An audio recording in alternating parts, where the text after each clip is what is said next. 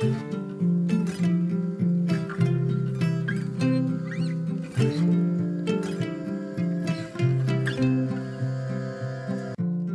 och välkommen till For Health med Anna Sparre!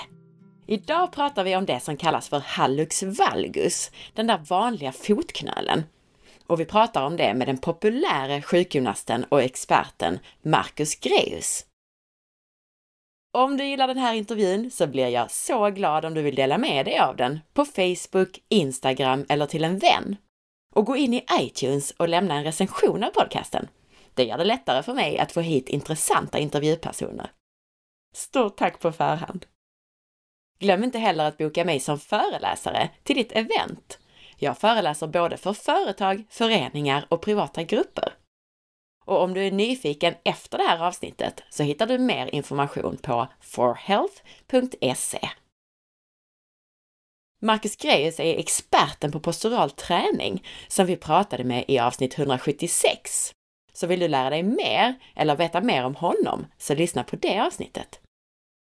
Vi gör nu flera kortare avsnitt med Marcus, där vi tar oss an vanliga hälsobesvär som du kan komma till rätta med genom att titta på orsakerna i din egen kropp, i din egen hållning och i din anatomi.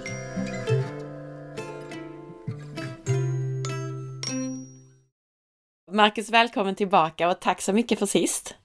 Tack själv! Det var väldigt populärt. Jag har fått jättemycket fin feedback på avsnittet, så det var väldigt roligt.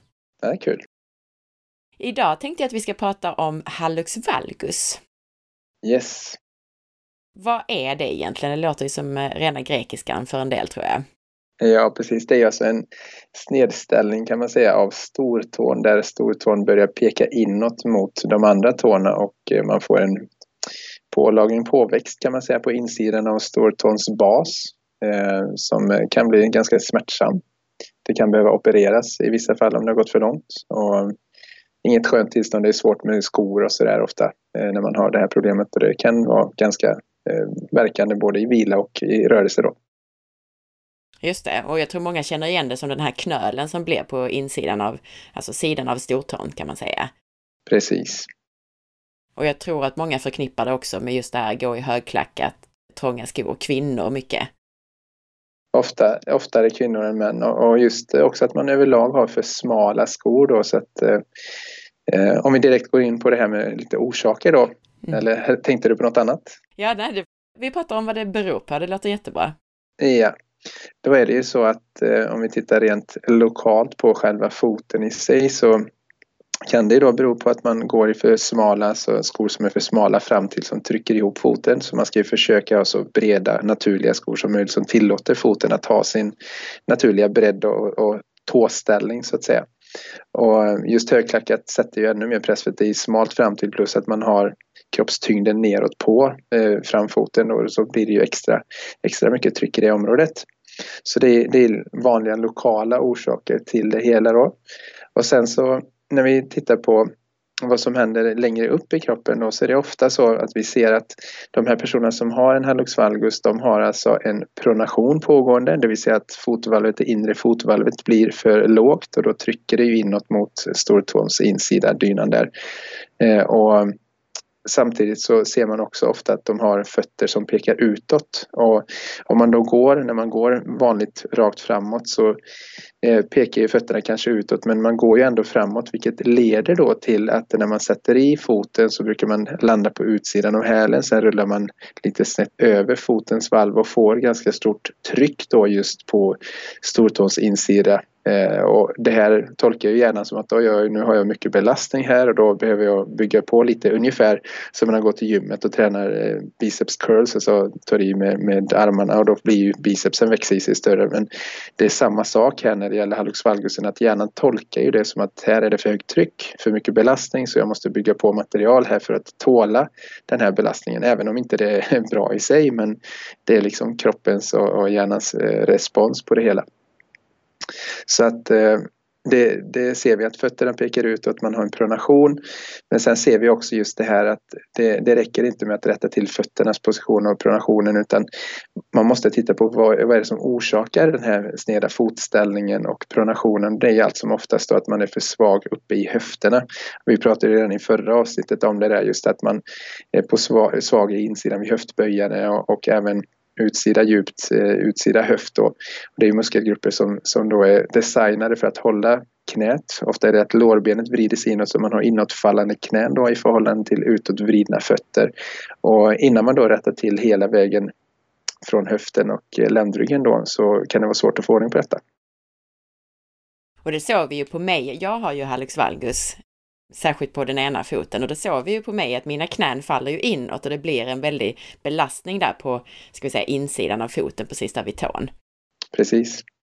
Och, och sen, sen är det ju så också att eh, nu pratade vi om att man kan behöva rätta till hela vägen upp till höften och ländryggen men faktum är också, vilket jag även nämnde eh, till viss del i alla fall förra gången då att i förra avsnittet att om man har en stel bröstrygg och en sned axel så kan det också påverka. Säg att man har hallux valgusen på höger sida exempelvis och så höger foten utåtpekande så knät faller in där och så kanske man är lite sned i höften men den där höften kanske inte räcker att man rättar till bara genom att göra övningar för höften och ländryggen och nerifrån foten då, utan det kan vara så att axeln och bröstryggens position påverkar höften negativt så att eh, det i sig gör att det blir snett hela vägen ner då. Så att eh, när, när vi jobbar då med personer som har hallux valgus så tittar vi på allt som händer hela vägen från nacken, eh, axeln, skuldran, bröstryggen och ner genom hela kedjan. Det är ju optimalt då att komma till dig och verkligen få fixat allting så att allting löser sig. Men om man nu sitter där hemma med hallux valgus, finns det någonting man kan tänka på att göra själv? Ja, i första hand då det som jag nämnde redan, att tänka på vilka skor man använder. Så att man går så lite i högklackat som möjligt. Självklart ska man kunna gå på fest och, och se, se bra ut. Liksom. Men, men, att man inte går omkring det för mycket i onödan. Om det går att, eh, att gå med vanliga skor så är det mycket bättre. Och inomhus att man försöker gå med eh, med vanliga, eh, alltså barfota ska jag säga, eller, eller tofflor, breda tofflor om man vill ha det på sig.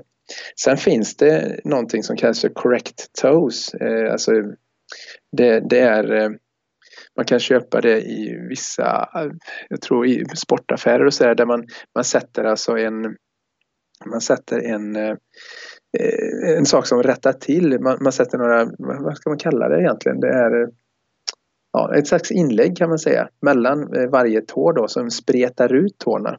Och jag hade en kund faktiskt som, som visade mig första gången här för ja, något halvår sedan och han hade använt det i några månader och det, det gjorde verkligen att hans eh, Alex valgus och eh, Mortons neurom som han dessutom också hade som en, en smärta på grund av ett nerv, nervproblem som han har i foten då, så, så hade han fått mycket bättre funktion i sina tår så det hjälpte till att spreta ut tårna helt enkelt. Och det kallas correct toes alltså intressant för att jag har faktiskt märkt det när det har varit som värst för mig. Eh, och alltså mitt, mitt håller sig fint så länge jag går omkring i typ flipflops eller, eller barfota.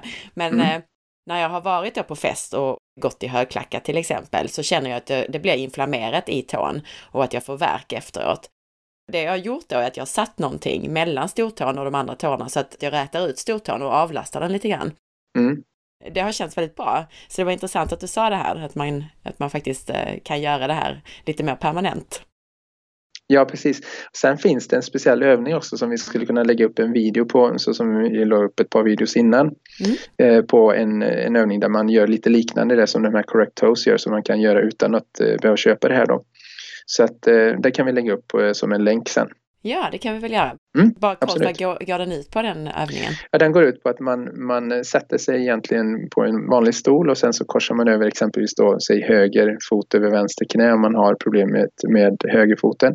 Och sen så tar man av sig sockan och så borrar man ner så att säga eh, fingrarna mellan alla tår. Och det kan vara ganska trångt då att få in mellan stortå och nästa tå på, på den sidan när man har hallux valgusen då. Och sen så håller man fingrarna nedborrade hela vägen till roten på tårna medan man då flexar foten ner och upp och det här hjälper till att lirka loss lite stelheter då mellan eh, tårna.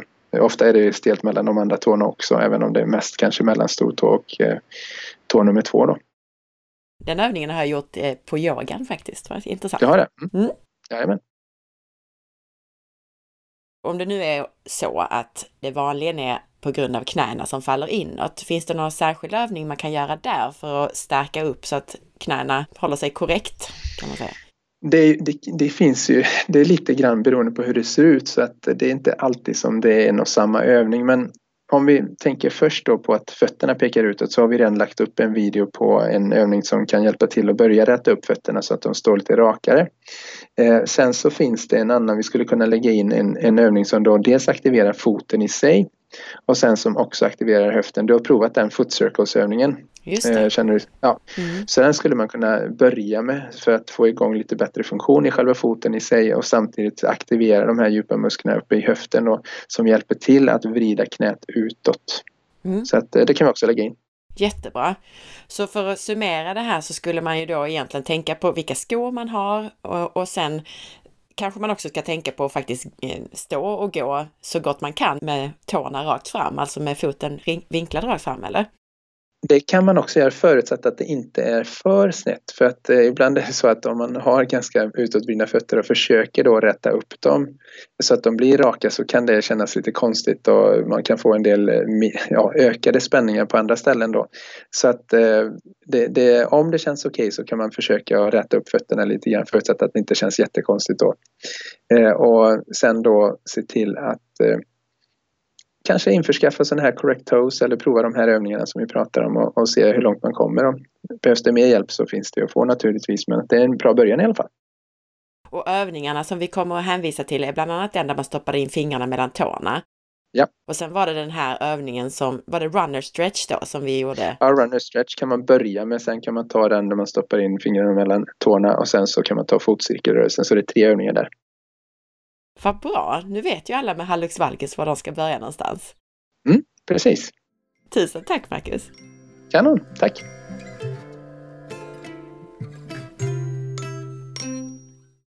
Tack för att du lyssnade! Jag hoppas att du gillade intervjun. Och om du gillade podcasten så glöm nu inte att dela med dig. Missa inte heller att följa med på facebook.com forhealth.se och på Instagram via signaturen asparre. Veckans recension i iTunes är från Mime13 som skriver Så bra och intressant!